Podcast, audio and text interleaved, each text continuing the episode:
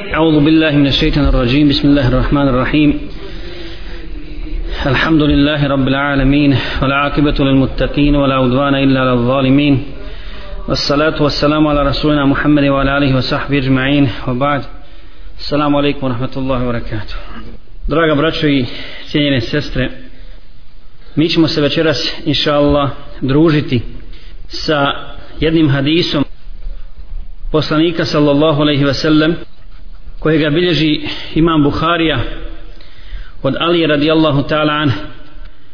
Ja sam večeras uzao ovaj hadis namjerno zbog situacije u kojoj se mi nalazimo a ovaj hadis o kojem ćemo govoriti i te kako se tiče našeg ahlaka i odnosa jednih prema drugima. Mi smo govorili o onim fitnama i kako ih se, kako ih se sačuvati ovaj hadis je povezan na neki način s tom temom ali vidjet ćemo o čemu se radi. Naime ja sam za večera suzeo hadis ili priču koju bilježi imam Buharija o jednom ashabu koji je bio učesnik bedra koji je bio učesnik bedra međutim počinio jedan veliki grijeh. Počinio je grijeh na taj način što je poslao ženu mušrikinju odnosno po ženi jednoj mušrikinji poslao je pismo u Meku da obavijesti svoj rod i svoju porodicu o namjerama poslanika sallallahu alaihi ve sellem naime imam Buharija od Ali radijallahu ta'ala prenosi ja ću samo u prijevodu ovaj hadis spomenuti kaže Ali radijallahu ta'ala poslao je poslanik sallallahu alaihi ve sellem mene Zubeira i Mikdada rekavši idite do doline Hah. Tu se nalazi žena koja nosi pismo za Kurejšije pa ga uzmite. I mi smo otišli i našli smo ženu u toj dolini u kojoj je rekao poslanik da će biti ta žena. Kad smo je stigli rekli smo joj daj nam pismo. Ili vadi pismo koje nosiš Kurejšijama ona je rekla ja ne imam nikakvog pisma. A onda smo mi rekli daj pismo ili ćemo ti skinuti odjeću. Kad je vidjela da smo mi ozbiljni dakle u svojoj prijetnji izvadila je pismo iz svoje kose odnosno bila ga je stavila u kosu ili u svoje pletenice i odnijeli smo ga poslaniku sallallahu alaihi ve sellem a to pismo je bilo od Hatiba ibn Abi Beltata mušnicima Mekke u koji obavještava o namjerama poslanika sallallahu alaihi wasallam. Kada je poslanik sallallahu alaihi wasallam dobio to pismo pozvao je ashabe tu je bio i dotični ashab koji je poslao to pismo pa mu se obratio poslanik sallallahu alaihi wasallam riječima šta je ovo hatibe? A on je rekao ne požuruj Allahov poslaniće. Ja sam bio čovjek koji je vezan za Kurejš. Za Kurejšije bio sam njihov saveznik a nisam od njih. Dakle ne pripadam tom plemenu. A muhađiri ovdje u Medini dakle muhađiri iz Mekke većina njih ima svoju rodbinu. Svoju rodbinu koja će im čuvati njihovi metak i njihove porodice dakle iz uglednih su plemena i ja sam želio kad već nemam rodbinskih veza sa Kurejšijama da na taj način sačuvam svoj metak i svoju porodicu a nisam to učinio s ciljem da napustim vjeru niti sam zadovoljan kufrom nakon, nakon islama. Allahu poslanik s.a.v. je na to rekao rekao je istinu. Rekao je istinu. A onda je Omer radijalno rekao o Allahu poslaniće dozvoli mi da osjećem glavu ovom munafiku. Dakle, i pored toga što je poslanik sallallahu alejhi ve sellem kazao da je ovaj čovjek rekao istinu, Omer traži da ga ubije, da nad njim izvrši kaznu.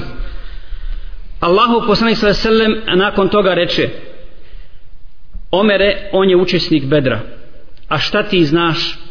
Možda je Allah dželle pogledao na učesnike Bedra i rekao: Radite što god hoćete, ja sam vam oprostio pa je Allah subhanahu wa ta'ala objavio objavio ajete sure Mumtahine prve ajete u kojima kaže A'udhu billahi minash shaitanir rajim Bismillahirrahmanirrahim Ja ayyuhalladhina amanu la tattakhidhu aduvi wa aduvakum awliya'a tulkuna ilayhim bil mawaddati wa kad kafaru bima ja'akum minal haqq. O vjernici ne uzimajte moje i vaše neprijatelje za prijatelje i ne pokazujte im ljubav kad su oni kjafiri, odnosno nevjernici i poricatelji istine koja vam dolazi od Allaha subhanahu wa ta'ala. Dakle, to je ta predaja, jedna predaja. Postoji dakle i druga predaja, također od Ali radijallahu ta'ala, nešto malo u izmijenjenom, izmijenjenog sadržaja, u drugoj predaji se samo spominje na ovom mjestu kada su oni došli do ove žene kada je ona rekla nije nije kod mene nikakvo pismo nemam pisma oni su rekli nije slagao Allahov poslanik. Ili pismo ili ćemo ti skinuti odjeću. I u toj predaji također pitanje poslanik sam se razlikuje od onog prvog. On je rekao šta te je navelo Hatibe da učiniš to da učiniš takvu stvar? I nakon toga kada je poslanik sallallahu u drugoj predaji se spominje kada je poslanik sallallahu nakon što je Omer tražio da ga ubije nakon što je tražio da ubije ovog čovjeka koji je počinio tako veliki grijeh a vidjet ćemo šta znači taj grijeh nakon što je poslanik rekao Omeru Omere šta ti znaš možda je Allah pogledao učesnike Bedra i rekao rate šta god hoćete Allah vam je oprostio. Tada je Omer zaplakao. Dakle to su te dvije predaje koje govore o ovom slučaju o slučaju izdaje islamske tajne onda izdaje izdaje muslimana.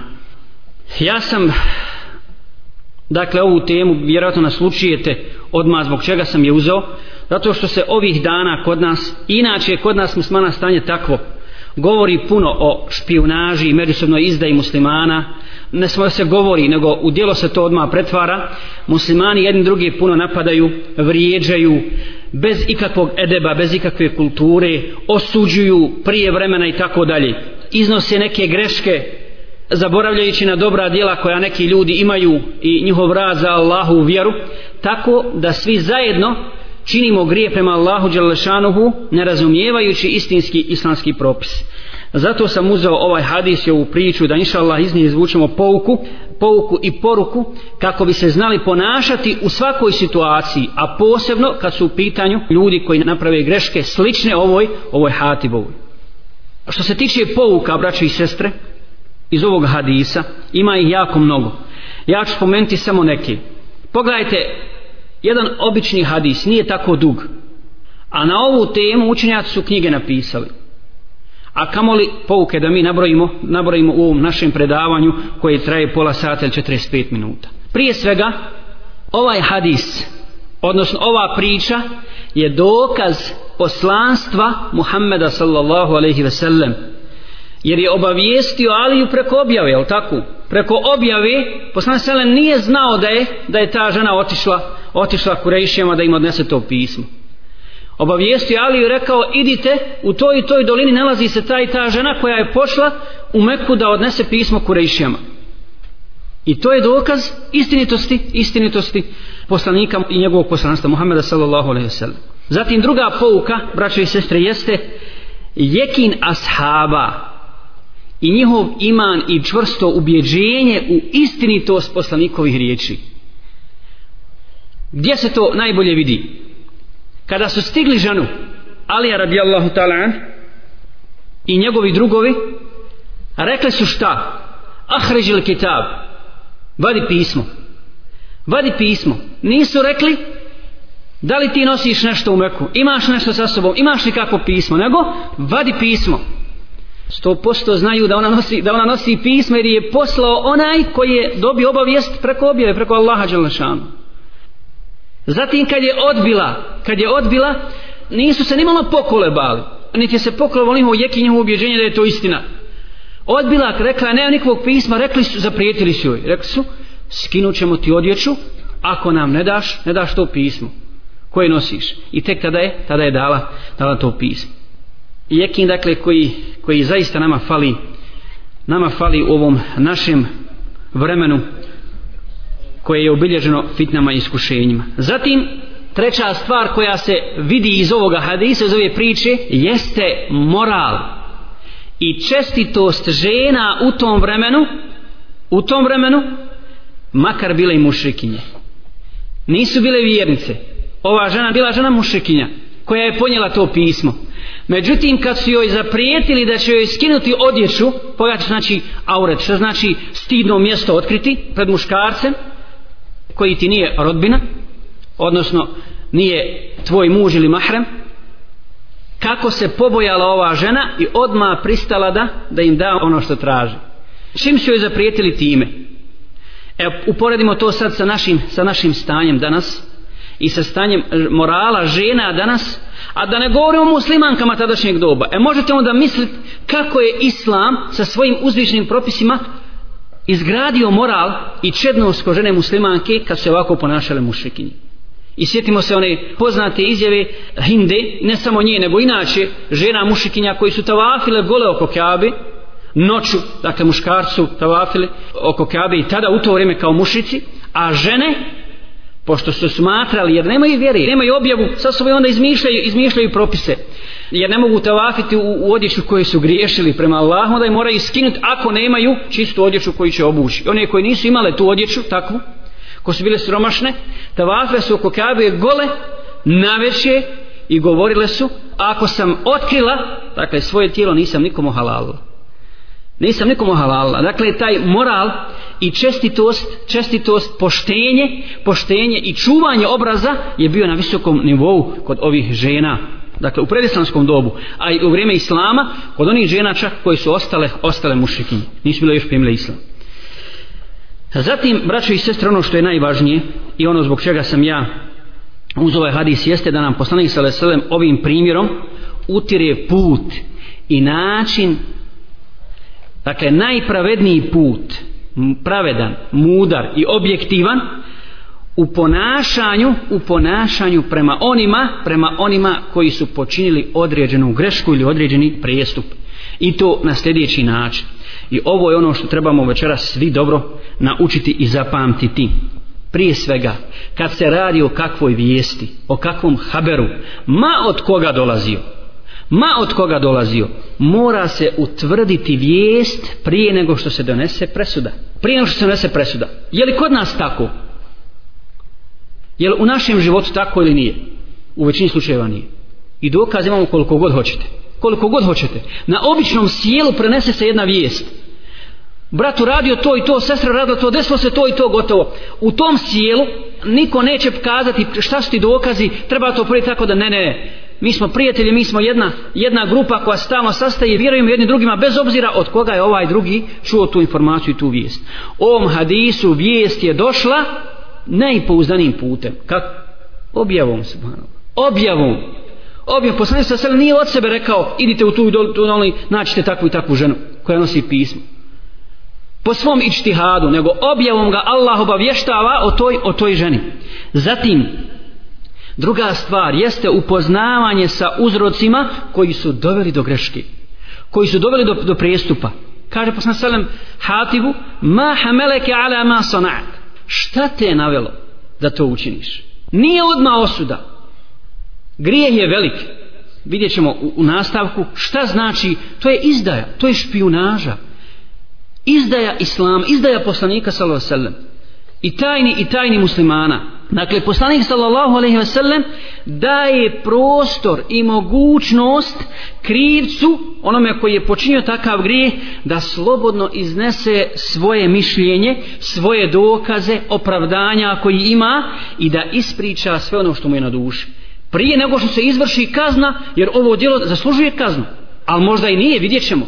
Možda će biti oslobođen, oslobođen kazne poslanik sada dakle pušta Hatiba da priča o tome i ne prekida ga niti pokazuje svoju sržbu prema njemu u datom trenutku on je pred njim suđenje je počelo poslanik sada sada ga pita a on priča o svom slučaju i objašnjava zašto je uradio određenu stvar određenu stvar. Dakle, to je vrlo važna činjenica koju moramo imati uvijek na umu. Dakle, da se utvrdi vijest, da se upoznaju uzroci i da se da čovjeku mogućnost, a ne da se odmah zaplaši, da se zastraši, da se osudi unaprijed i tako dalje, da mu se da mogućnost da kaže zbog čega je uradio određenu, određenu stvar. Jer svako od nas griješi. Svako od nas griješi.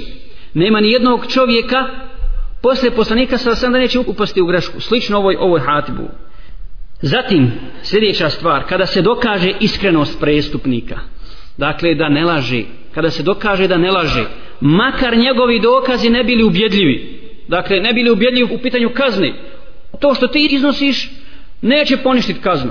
Neće poništiti kaznu. Tvoji dokazi nisu ubjedljivi ali nije slagao. Nije slagao dakle nije se izvlačio nije rekao dakle ja sam to uradio zbog toga i toga nego je priznao istinu i rekao je osjećao sam da je moja porodica nezaštićena a zaista nisam imao nikakvi drugi namjere da napustim islam da se vratim u kufr da se vratim mušcima i tako dalje. Dakle treba tu iskrenost uzeti u obzir uzeti u obzir i ne treba je nimalo omalovažavati i zanemariti. Zato poslanik sa selam kaže ema innahu fakad sadakaku što se njega tiče on vam je rekao istinu. Rekao vam je istinu. Zatim sljedeća stvar ako nečija isprika ili opravdanje nema težinu dakle nije teška sama po sebi ne zadovoljava koliko je težak taj grijeh koji je počinio čovjek onda se vraća na što? Onda se vraćamo na njegov život to jest na njegova dijela na njegova dijela i njegova dobra dijela upoređujemo njegov rad za islam u ime Allaha Đelešanhu upoređuju se sa greškom koju je počinio. Jer možda će taj grijeh nestati i utopiti se u moru dobrih dijela koje ova ima.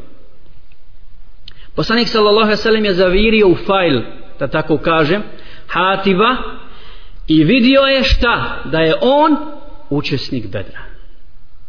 Učesnik bedra. I samo to djelo da nije bio učesnik bedra, otišla mu glava. To djelo zaslužuje kaznu, ali njegovo dobro djelo, odnosno ova stvar i ova stavka iz njegovog fajla, činjenica da je učesnik bedra, jača je bila hiljadu puta od onoga što je on počinio. Dakle, dovoljna je bila da se prihvati njegovo opravdanje nakon što je bio zaslužio kaznu. Nakon što je bio zaslužio kaznu. Zato pogledajte što kaže braći i sestre Ibn Kajim vezano za ovu priču. Kaže, jedno od pravila i mudrosti šerijata je i to da ko je poznat po mnoštvu dobrih dijela, pazite ovo, ko je poznat po mnoštvu dobrih dijela i čiji rad za vjeru i dobra dijela ostavljaju vidljiv trag u životu muslimana, dakle u islamu, njemu se toleriše ono što se ne toleriše drugima i njemu se oprašta ono što se ne oprašta drugima. Jer kaže Ibn Kajim grijeh je nečistoća. Jel tako? Grijeh i nečistoća prlja srce, prlja dušu zbog toga zaslužuje kazna međutim on navodi ovdje jedno fiksko pravilo ali kaže kada voda dostigne dva vrća kada je bude koliko dva vrća ne smeta joj nečistoća dakle fiksko pravilo el ma'u idha belaga kulletejni lem jahmelu habet. Dakle, kada voda dostigne dva vrća, kada je ima toliko, toliko, onda joj određena nečistoća kad upadne u nju neće promijeniti na tri svojstva, jel? Koja, koja, koja ima. A ako za razliku kaže od malo vode, koja ne može podnijeti ni malo nečistoći. Ni malo nečistoći. Pogledajte kako mu Kajim objasnio, objasnio ovu stvar.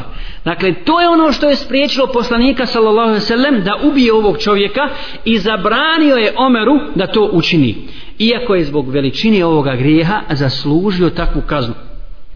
Međutim, veličina dobrog dijela koje se zove učesnik bedra, poništo je tu kaznu. Sjetimo se zatim, braćo i sestre, kada je poslanik sallallahu pozivao ljude da udjeljuju za džihad za opremanje boraca muđahida na Allahovom putu. Kada je Osman radijallahu ta'ala an došao sa onim čim je došao. Koliko je udjelio Osman? Opremio je trećinu vojske Osman radijallahu ta'ala an na Tebuk. Šta je rekao poslanik sallallahu alejhi ve sellem? Neće štetiti Osmanu šta god učini poslije ovoga neće štetiti Osmanu šta god učini posle ovoga. Jel to znači da ljudi takve vrste koji čine toliko dobra djela kao što je Osman radijalno, kao što je Hatvin ibn Abi Beltat koji je bio učesnik Bedra, da oni imaju primat nad ostalim vjernicima? Ne, nego s tako dobrim djelima, s takvom žrtvom za Islam. Zar je moguće da će Osman posle toga uraditi ništa drugo osim dobro djelo? Zar je moguće da će poslije takvog dobrog djela činiti išta drugo osim također dobra djela koja će biti manja ili veća od, od ovoga što je učinio? Uz grijehe normalno koje će činiti. Ali ti grijesi koje bude učinio kad se budu izvagali sa ovim što je uradio su ništavni. Su ništavni. Oni se istope. Dakle, također kada je Talha štitio poslanika sa svojim tijelom svojim toliko da ga je skoro potpuno bio zaklonio, bio je sav izranjan. Šta je rekao poslanik sallallahu alejhi ve sellem?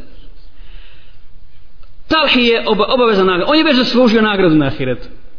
Već je zaslužio nagradu samim tim svojim činom, svojim djelom, što je bio spreman da žrtvuje sebe da bi poslanik sallallahu alejhi ve sellem ostao, ostao živ. Zatim, ne samo ovo obraćanje, nego islamski učenjaci spominju slučaj Musa a.s.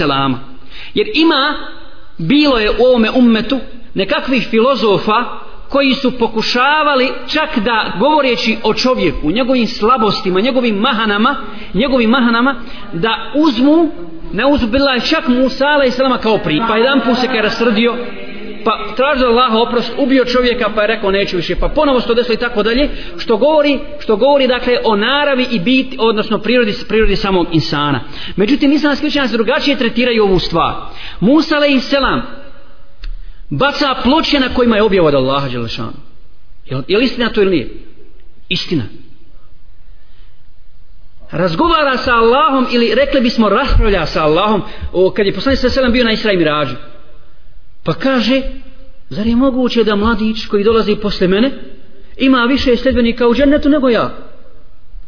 Pa vuče svog brata Haruna kad je došao, kad je vidio u što je upo njegov narod, za bradu i za kosu, srdit, ljut, i tako dalje. Šta znači ti postupci njegovi?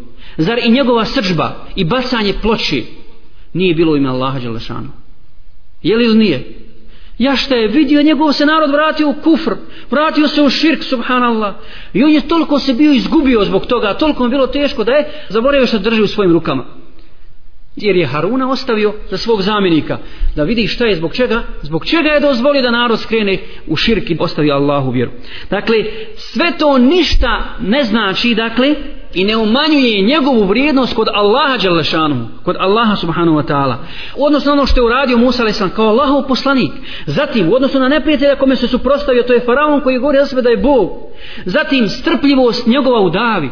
Strpljivost na jezijećenju od koga? Od naroda koga on izveo na pravi put Allahovu volju.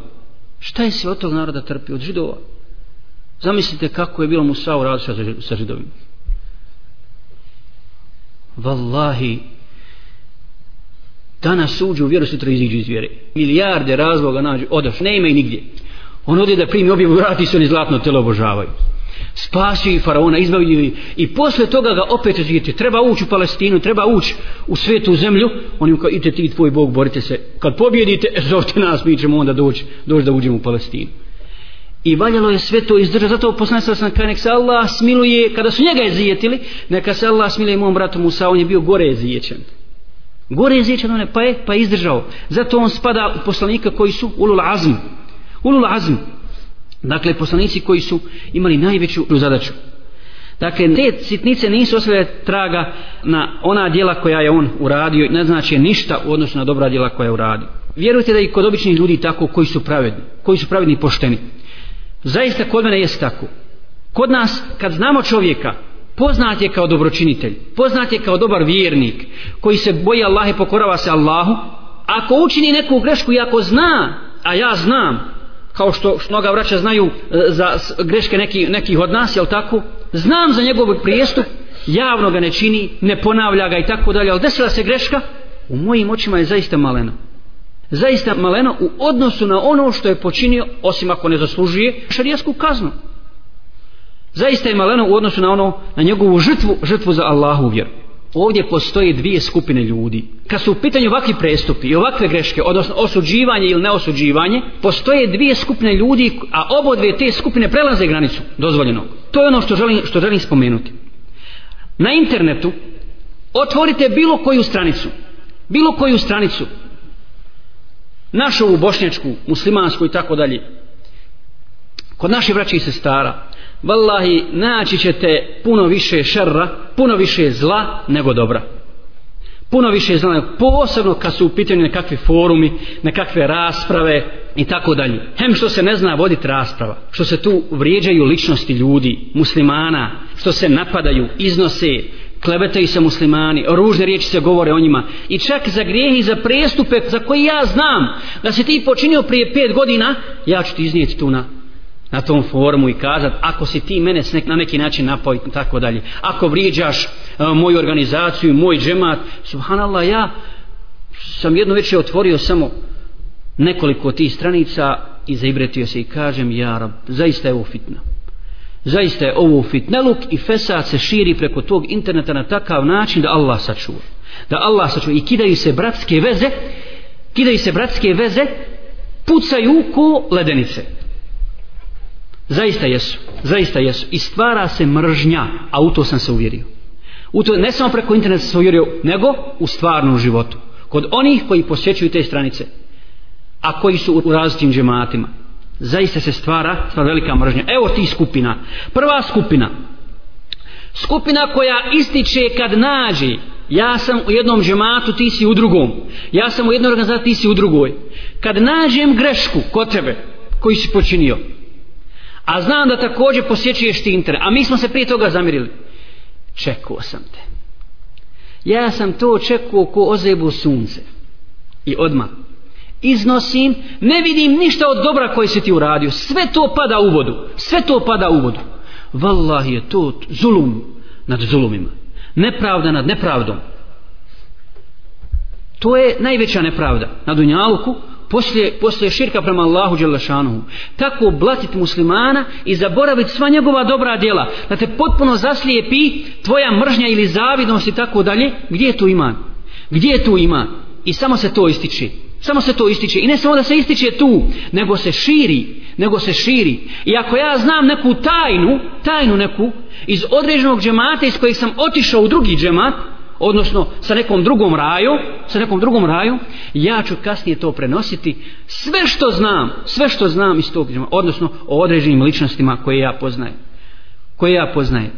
Wallahi, taj čovjek ili ti ljudi, braća i sestre koji tako postupaju, tako mi Allaha ne mogu mirno zaspati. Ne mogu mirno zaspati, ne mogu mirno leći. Ne samo što puno boravi na, na tom internetu, nego i zbog onoga što radi, što radi i što pišu i što govore makar bila istina to što su napisali o određenom bratu ili sestri. Makar bila istina. Ali iznositi samo to a zaboravljati zaboravljati ostale stvari ostale vjerujte napadaju se napadaju se braća odnosno ljudi koji su zaista ono ono što kaže remz džihada dave ove, ove sahve koja je kod nas u, u, u Bosni simboli te dave na takav način da nema apsolutno nikakvog respekta. Nikakvog respekta.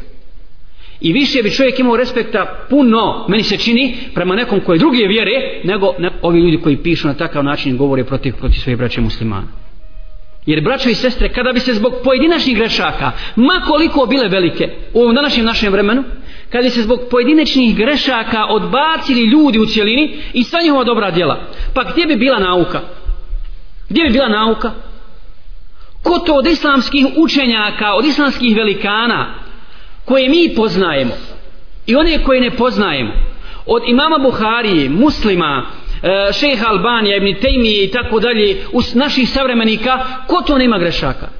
Ko to nema grešaka? Kada bismo ulazili u detalje u detalje i spominjali najsitnije greške najsitnije, na, na, najsitnije detalje iz života pa ne bi imali onda koga slijediti ne bi si imali na koga pozvati. Ne bi imali ni jedan kitab, ni jednu knjigu, ni iz hadisa, ni iz tefsira uzeti i kazati, vala, ovo je sto posto čist čovjek, nema kod njega nikakvog grija. Ni u akidi nema grešaka, ni najsitniji, vezani za ešarijsku akidu, za Allahova svojstva, za ovo, nikakvi kod njega grešaka nema. Ne bi imali koga uzeti. Ne bi imali koga uzeti. Nestalo bi na taj način i zakona. Nemoguće je to. Mi smo ljudi. Mi smo ljudi.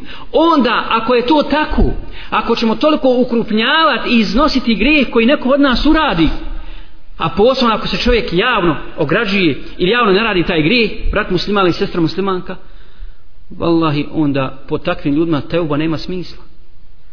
Teuba nema smisla. A to je najveća milost Allahova za ljude, da posle učinjenog grijeha, da posle vratiš se Allahu, da obratiš se Allahu, od njega tražiš oprost, nema kod nas oprosta od nekog drugog tražiti pa šta iznesi ti moje grijehe? Šta hoćeš onda? Hoćeš tražiti to da ja tebi dođem da od tebe tražim oprost? Ili da tebi padnem na koljena pa da bude sve u redu po tamam pa će ti onda pisati drugačije o meni jel? Nije nego teuba teuba vrata teube su otvorena do sudnjega dana. Do su, do, ili dok duša ne dođe do grkljena pokaj se Allah iskreno Allah oprašta sve grijehe sve grijehe ako se čovjek iskreno vrati Allahu Đelešanu. Zatim to je jedna skupina. Druga skupina je skupina ljudi koji zbog mnoštva dobrih dijela kod određenih ljudi s kojima se oni druže koje oni uvažavaju i poštuju neće da priznaju njihove greške. Kad makar i javno, javno činili javno činili opravdavaju ih opravdavaju ih i brani. Isto tako zulum. Isto tako zulum i nepravda postoji treća skupina koja je meni se čini najmalobrojnija u našem umetu danas. A to je pravedna skupina koja je objektivna i pravedna u svakoj situaciji. Za grijeh nikad neće da je dobro djelo niti obrnuto niti obrnuto. Niti će braniti braniti malo kome se radi posebno ako javno čovjek iziđe s tim grijehom neće ga opravdavati. A ako ga tajno radi makar ustraju u njemu i on će ustrajati u nasihatu tajno u nasihatu tajno neće ga blatiti iznositi iznositi pred, pred, pred ostale ljude. Ako ga radi javno dakle priznaće da je to grijeh. Priznaće da, dakle to je pravednost i to je, to je objektivnost koja, koja danas nama fali. Zatim sljedeća stvar koju izlačimo iz ovog hadisa, braće sestri, jeste da saosjećanje prema djeci i bližnjima, prema svojoj rodbini, nije opravdanje za griješenje i nanošenje štete ummetu. Nanošenje štete muslimanima. Naprotiv, to je čista zabuda. To je čista zabuda. Još posebno ako su tvoji roditelji, tvoja, tvoja djeca, tvoja djeca u džehlu, ako, ako ne slijede Kur'an i sunnet, ako su protivnici Kur'ana i sunneta, ti samo zbog svojih osjećanja, zbog krvnih veza, podržavaš njih i hoćeš da im izdaš tajnu, tajnu muslimana, to je zaista velika zabuda. To je zaista velika zabuda. Sljedeća pouka koja se izvodi iz ovog hadisa jeste da špioniranje i uhođenje muslimana i otkrivanje njihovih tajni neprijateljima Islama je munafikluk, čisti munafikluk. I zaslužuje ubijstvo zaslužuje, zaslužuje najveću kaznu bez obzira na cilj razlog i ispriku ispriku. Osim ako se ne desi slučaj sličan hatibu jel? Sličan sličan ha to su izuzeci. Šta je spriječilo hatiba da ne bude da mu ne bude glava odrubljena? Samo što je učesnik bedra. Ništa drugo ništa drugo. Samo što je učesnik bedra. To je sačuvalo njegovu glavu i njegov život. A inače ono što je počinio je osobina munafika i poslanik sa to nije porekao Omeru. Pore, to poslanik nije porekao Omeru. Nije rekao nije tako kada je on rekao daj da osjećam glavu munafiku nije rekao ovo nije osobina munafika nego je rekao nemoj možda je Allah pogledao na bedrane pa rekao radite što hoćete ja sam ja sam oprosti što ne znači opet radite što god hoćete. Ne nego kako smo malo prije objasnili dakle od takvih ljudi se očekuje samo dobro a mogu pogriješiti mogu upast mogu upast u grije i to smrtono sam grije smrtono sam grije. Zatim sljedeća pouka braće i sestre vrlo važna za nas. Jeste da onaj ko radi dobro za islam u ime Allaha Đelešanu. Dakle ko se mnogo žrtvuje na polju davi pomaganja islama, muslimana učvršćivanja islamskog safa Allah Đelešanu će čuvati njegovo vjerovanje. Allah će ga sačuvati od svih mogućih skretanja skretanja i zablude. A onaj čiji kraj bude ružan ili nakon imana ne uzubillah skreni i ostavi vjeru znajte da je takav uvijek krio u sebi munafikluk, odnosno prezir i mržnju prema, prema islamu. Sjetimo se hadisa kojega bilježi Buharija i Muslim od Sehlibni Sada. Dakle, takav nije, bilo je nešto unutar njega, u njegovom srcu, što je prevagnulo. Nije mogao da izdrži, a da to ne pokaže. A da to ne pokaže. Dakle, nije bio iskren prema Allahu subhanahu wa ta'ala. Buhari, dakle, i Muslim bilježe od Sehlebni Sada samo ćemo prepričati ovaj hadis kada su muslimani bili zajedno su u borbi protiv mušrika jedan od muslimana se posebno istakao u borbi. Borio se. Svi nekako posustano i dodije im ali on nikako. Nakon toga rekli su ako je iko zaslužio džennet on je. Kaže poslanik selam, on je stanovnik vatre. Što se njega tiče on je stanovnik vatre. Pa je rekao jedan od muslimana vallahi ću ga pratiti Wallahi ću ga pratiti. Čudno mu bilo zašto sam kaže da je on stanovnik, stanovnik vatre. Pa sam ga pratio u novoj bitci u kojoj se također borio žestoko, međutim bio je ranjen. Bio je ranjen i nije mogao da izdrži da izdrži težinu te rane pa je stavio koplje i nabao se na to koplje i sam sebe ubio. Pa sam došao poslanik sa selem i rekao Ašhadu an la ilaha illa Allah wa annaka Rasulullah. Vjerujem da nema Boga osim Allah da si ti Allahu poslanike. Kako, zašto to izgovaraš? Zar nisi već izgovorio šehadet? Ka ja Rasulallah pratio sam čovjeka za kojeg si ti rekao da je stanovnik vatre, on je uradio tako i tako. On je uradio tako i tako. Kaj poslanik sa selem tada izrekao svoje poznate riječi, mnogi ljudi rade dobra djela. Rade i dobra djela, jel tako? Pa i pretekne ono što je u njihovim srcima. A?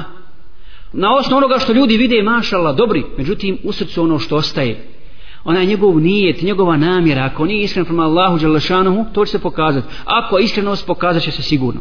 Radi dijela stanovnika dženneta pa i pretekne njihova knjiga. I na kraju radi dijela stanovnika džehennema i ode, ode u džehennem. A mnogi ljudi radi dijela stanovnika džehennema. Čitav život. Ti bi rekao za njega džehennemlija, jel? Nijedan grije nije ostavio da ga ne radi. Međutim, odjednom vidiš, pokajao se čovjek, vratio se Allahu, pretekne ga knjiga, zbog njegove iskrenosti prema Allahu, vrati, slično se pokaje i uđe, uđe u džennet. Zbog ovoga moramo svenuti pažnju na strah od lošeg završetka, jer selef, dakle ljudi iz priješnjih generacija muslimani i muslimanke se i kako bojali ovog skrivenog munafikluka u srcu, Muhammed ibn Munkedir, jedan od pobožnih muslimana i učenjaka, kada bi uči ajet iz sure Zumer, broj 47, ili kraj ajeta, obeda lahum min Allahi ma lam yakunu jahtasibun, a Allah će ih kazniti kaznom kakvom nisu mogli ni naslutiti, plaći bi i obrati bi se svojoj porodici govoreći, bojim se da me od Allaha ne snađe ono o čemu sam se najmanje nadao. Dakle, ne zbog toga što je Allah učiniti nepravdu, nego zbog onoga što je u tvojim prsima, što je u tvom srcu. A Sufjan Sevri kaže za ovaj ajet da je ovo za njega ajet najveća opasnost. Najveća opasnost da te ne snađe kazna od Allaha Đelešanu zbog onoga odakle se nisi ni nadao. Ljudi to nisu vidjeli, nisu primjećivali, ali Allah zna tajne. Allah zna tajne, jer srca su ljudska, između dva Allahova prsta koje okreće kako hoće. Okreće kako hoće. Zato treba moliti Allah da nas učvrsti, učvrsti na istini. A Ibrahim et-Tejmi, pogledajte šta kaže ovaj veliki islamski učenjak. Ovo njegovu predaj bilježi ima Buhari. Kad Ibrahim et-Tejmi govori, kad nisam nikada svoje riječi i dijela uporedio, a da nisam pomislio da sam lažac prema Allahu Đelešanu. Da lažem, da sam munafik. Tada u tom vaktu, takav pobožnjak u islamskoj državi, a kamo danas ovakvoj fitni mi to ne smemo sebi ni priuštiti takvu avanturu da uporedimo, da analiziramo i uporedimo naše riječi naše riječi sa našim dijelima zatim od pouka svakako jeste i objektivnost odnosno nježnost srca ashaba i djelovanje nasihata na njih. Pogledajte Omera radijallahu ta'ala kad kaže ja Rasulallah daj mi dozvoli mi da mu osjećam glavu ovom munafiku. Kada je poslanik sam rekao Omere možda ti ne znaš, možda je Allah oprostio bedranima? Kad je to spomenuo, spomenuo Omer je zaplakao. Zaplakao dakle i i tražio halala od, od Hatiba zbog onoga što je rekao. Dakle kad se spomeni nasihat bez obzira što je tako teška situacija težak grijeh čovjek počinio ali tu je poslanik da presudi. Kada je poslanik presudio onda progovara iskrenost iskreni iman i istinsko bratstvo u ime Allaha Đelešanu kod Omara radijallahu ta'ala an. I na kraju, svakako, ovaj hadis, odnosno ova priča je potvrda akide el vala wal bara odnosno prijateljstva i neprijateljstva u ime Allaha Đelešanuhu i zna se s kim musliman može biti prijatelj a komu je, komu je neprijatelj do sudnjega dana kad kaže Allah Đelešanuhu ne uzimajte moje i vaše ne kaže Allah ne uzmete moje neprijatelje nego moje i vaše neprijatelje za prijatelje i tajno im pokazujući ljubav izražavajući ljubav. Ljubav. Allah zna šta vi šta vi izražava. A oni ne vjeruju ono što Allah objavljuje. I istjeruju poslanika i vas. Zašto? Samo zato što vjerujete u Allaha Đalešanu. Samo zato što je to Allah. Ako ste iskreno izišli da se u ime Allaha borite, ako ste u ime Allaha učinili hidžu, ako u ime Allaha sve to trpite, Allah im poručuje muslimanima, tadašnjim, prvoj generaciji, a i svima nama, nemojte prijatelje sa Allahovim neprijateljima, jer su oni Allahovi i vaši neprijatelji. I to je akida ehle sunnata, ehle sunnata vel džamaata. Molim Allaha Đelešanu da nas učvrsti na istini, na ispravnoj akidi, da nam podari istinsku razboritost i razumijevanje Allahove vjeri Allahove propisa, da ulije ljubav bratsku u naša srca, da nas sačuva grijeha, da nam pokrije sramote i mahane na ovom i na budućem svijetu, da nam oprosti grijeh i da nas vede u džennet. Amin.